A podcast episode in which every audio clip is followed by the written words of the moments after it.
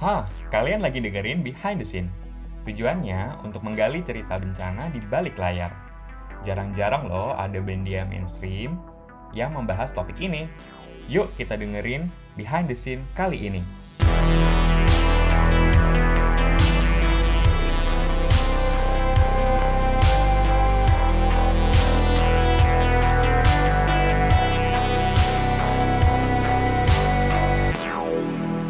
Kan kalau di beberapa beberapa hal yang saya lihat tuh perempuan dalam dalam penanggulangan bencana, keterlibatannya dalam tanggap darurat tuh kayaknya kurang gitu untuk untuk pengambilan keputusan, pengambilan kebijakan gitu.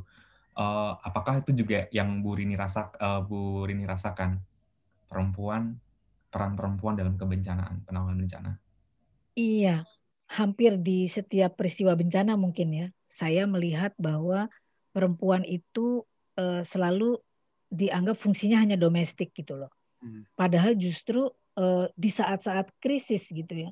Contoh misalnya di di tempat gitu. Kebetulan gini, pasca gempa di Sulawesi Tengah kemarin gitu, kemudian sekarang melakukan riset gitu ya, riset tentang uh, eh, DRR, jadi disaster risk reduction, jadi pengurangan risiko bencana pasca gempa tuh apa sih yang dilakukan oleh uh, pemerintah Sulawesi Tengah gitu.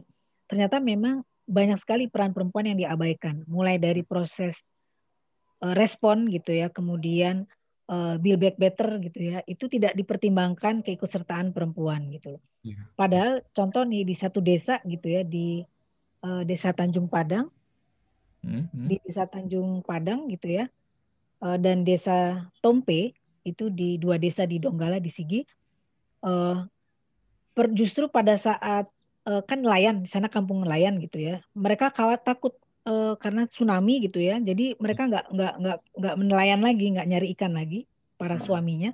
Nah akhirnya ibu-ibu ini yang ambil alih peran ekonomi dengan berjualan kue. Sederhana tapi itu akhirnya jadi jadi mesin ekonomi baru gitu ya di wilayah tersebut di dua wilayah itu gitu. Walaupun kecil ternyata itu cukup ini cukup makin membesar makin membesar gitu. Kemudian mereka memanfaatkan uh, kelapa selama ini kan kelapa kelapa cuma dikumpulin begitu aja ternyata dia jadikan uh, minyak gitu ya karena dapat informasi dari berbagai macam kawan-kawan yang kemudian bantu gitu ya akhirnya minyak itu yang minyak kelapa itu yang uh, menghidupkan kembali ekonomi mereka gitu Nah, hal-hal itu yang sebenarnya uh, tidak terfikirkan gitu loh.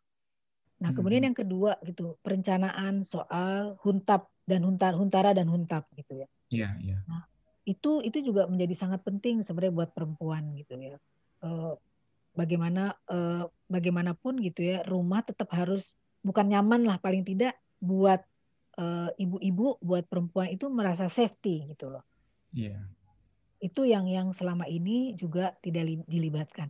Tapi di di desa-desa yang di wilayah pegunungan gitu ya, saya melihat justru uh, perempuan itu sangat aktif gitu ya.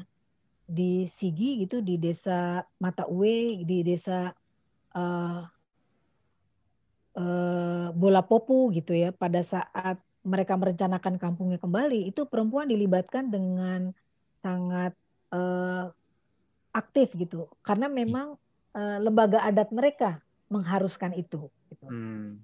Jadi memang ada ada ada beberapa ininya, ada beberapa kelebihan gitu ya di wilayah pegunungan di Sulawesi Tengah gitu. Hmm. Nah semakin ke kota di wilayah urban itu perempuan benar-benar sama sekali tidak dilibatkan. Hmm. Makanya kemudian muncul persoalan-persoalan uh, pelecehan seksual itu di iya. wilayah-wilayah uh, perkotaan gitu ya. Jadi ada peran adat istiadat juga ternyata yang bisa mendorong peranan perempuan ya Bu ya. Iya, iya betul. Kan di di eh, desa-desa di wilayah Sulawesi Tengah gitu ya, umumnya memang mereka punya lembaga adat dan uh, biasanya lembaga adat itu diketuai oleh lima orang, nah tiga di antaranya itu harus perempuan gitu. Hmm. Nah, ya, ya. Jadi dalam pengambilan keputusan itu suara perempuan tuh benar-benar dipertimbangkan gitu ya. Nah kepala desanya juga perempuan di mata UE itu, jadi eh, saya salut juga gitu ya. Jadi dia bisa ngitung nih hujan kalau turun selama 30 menit dengan deras itu dia keliling pakai toa supaya uh, masyarakatnya tuh ngungsi. Jadi inisiatif-inisiatif apa ya harus diakui loh perempuan tuh sense ininya tuh uh, cukup kuat gitu ya. Jadi hmm. mereka bisa jadi kalau dikasih kesempatan mereka bisa menjadi leader yang sangat baik gitu. Menarik itu. banget Bu. Uh, apa di, di kasus misalnya di kasus Banten juga terjadi hal yang sama gitu Bu. Perempuan uh, punya peranan penting untuk entah rekonstruksi pasca bencana atau mitigasi pasca bencana Bu dari pengalaman Bu ini. Enggak, itu bedanya memang ya. Justru hmm. nih yang mesti dirombak tuh Banten. Walaupun Banten uh, mereka masih mempercayai uh, itu tadi pengetahuan lokal gitu ya. Tapi memang perempuan itu umumnya uh, selalu pekerjaan domestik gitu ya. Uh, saya tidak melihat perempuan menjadi leader di sana gitu, tapi perempuan selalu mengikut apa yang dikatakan oleh laki-laki. Uh, nah, pemimpin adatnya juga semuanya laki-laki. Jadi di kampung-kampung itu umumnya laki-laki yang punya peran yang cukup kuat gitu. Memang agak sulit sebenarnya kalau kalau bicara di Banten ya. Yang pertama itu juga uh, Islamnya juga sangat kuat gitu ya. Kan kalau dikaitkan dengan agama Islam eh, sangat patriarki gitu ya, sehingga memang perempuan ya ikut eh, kaum laki-laki di sana gitu loh. Hmm. Sampai doa pun juga itu harus laki-laki gitu ya.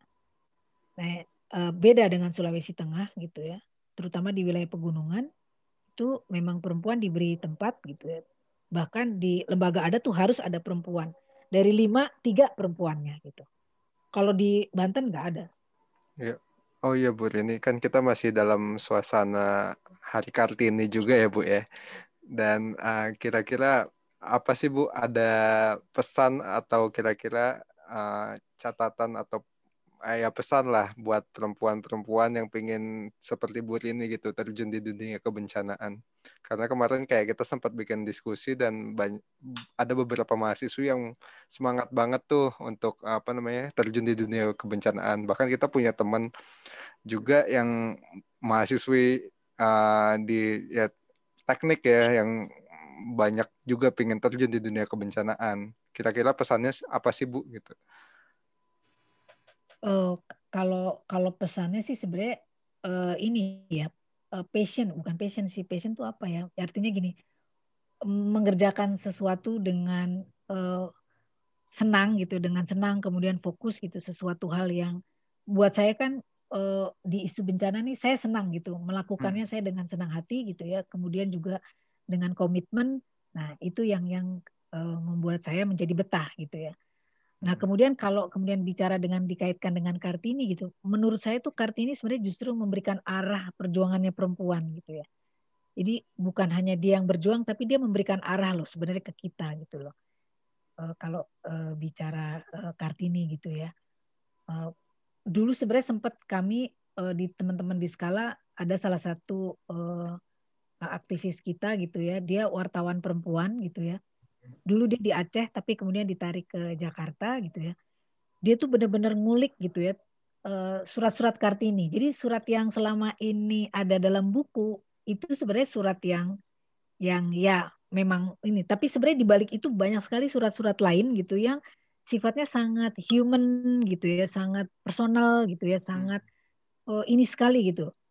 Uh, misalnya gini ternyata Kartini juga uh, sempat bersurat-suratan dengan uh, Agus Salim dari hmm. Sumatera Barat gitu ya.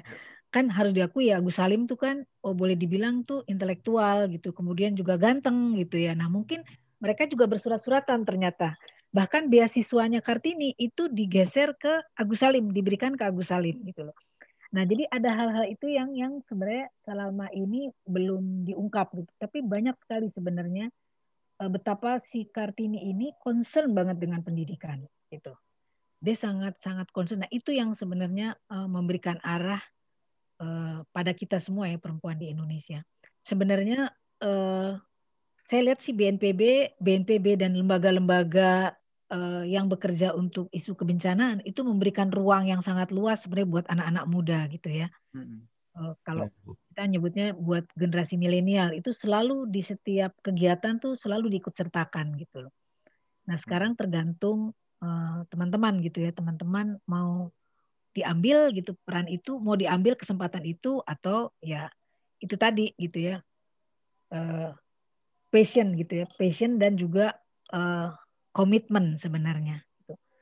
karena di isu kebencanaan ini kan ya boleh dibilang nggak ada apa-apa gitu loh ya istilahnya gitu loh ya. Uh, beda dengan isu-isu uh, yang lain gitu loh. Isu bencana nih ya kayak tadi gitu. Apalagi teman-teman yang bekerja di upaya-upaya sebelumnya gitu. Kadang-kadang kan orang kalau kita bicara uh, kayak saya gitu ya ngomong soal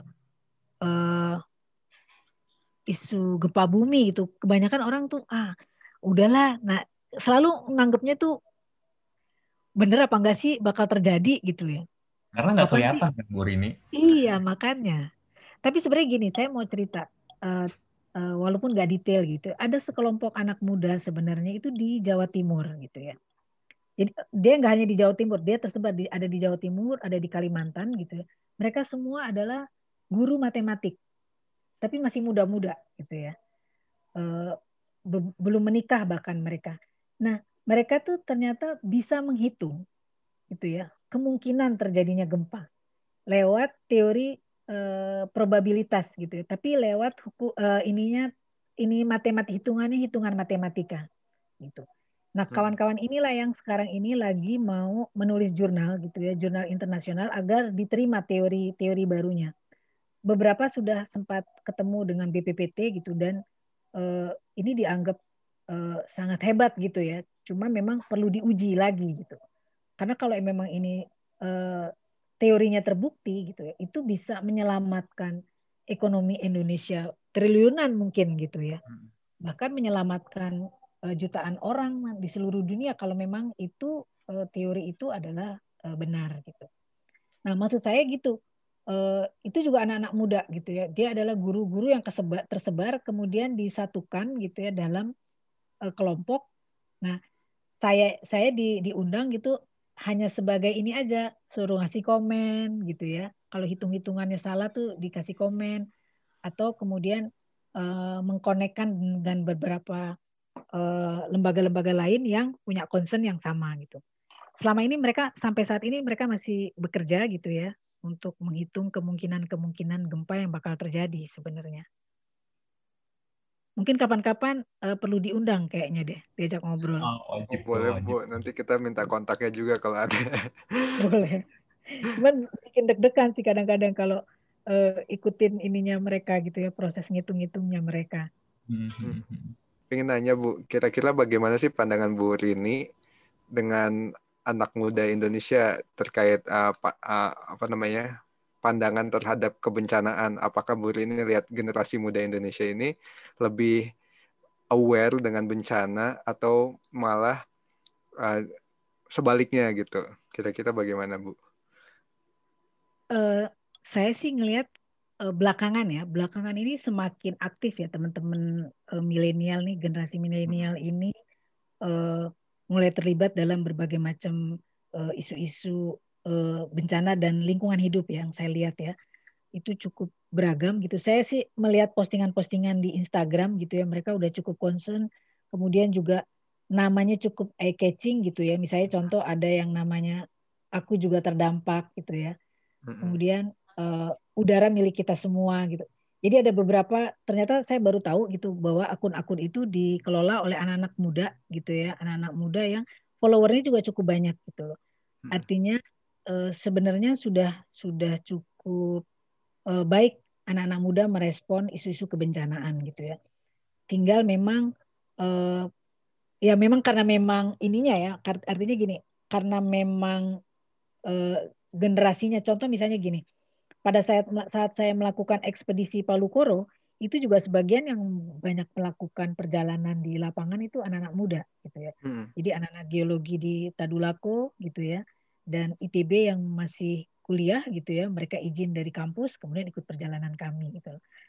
Nah, artinya memang eh, sebenarnya memang harus di-create gitu ya, harus di-create kemudian di mana eh, ruang itu bisa diberikan ke anak-anak muda saya yakin sebenarnya kalau anak-anak muda yang bergerak itu gimana ya jauh lebih uh, populer dan gampang aja sih di ini apa ya dipahami gitu ya oh, mereka bisa kayak kayak sekarang aja bisa bikin podcast ngobrol gitu ya ngobrol hmm. santai TikTok Bu Rini jauh ya, lebih militan gitu juga ya. mungkin uh, uh.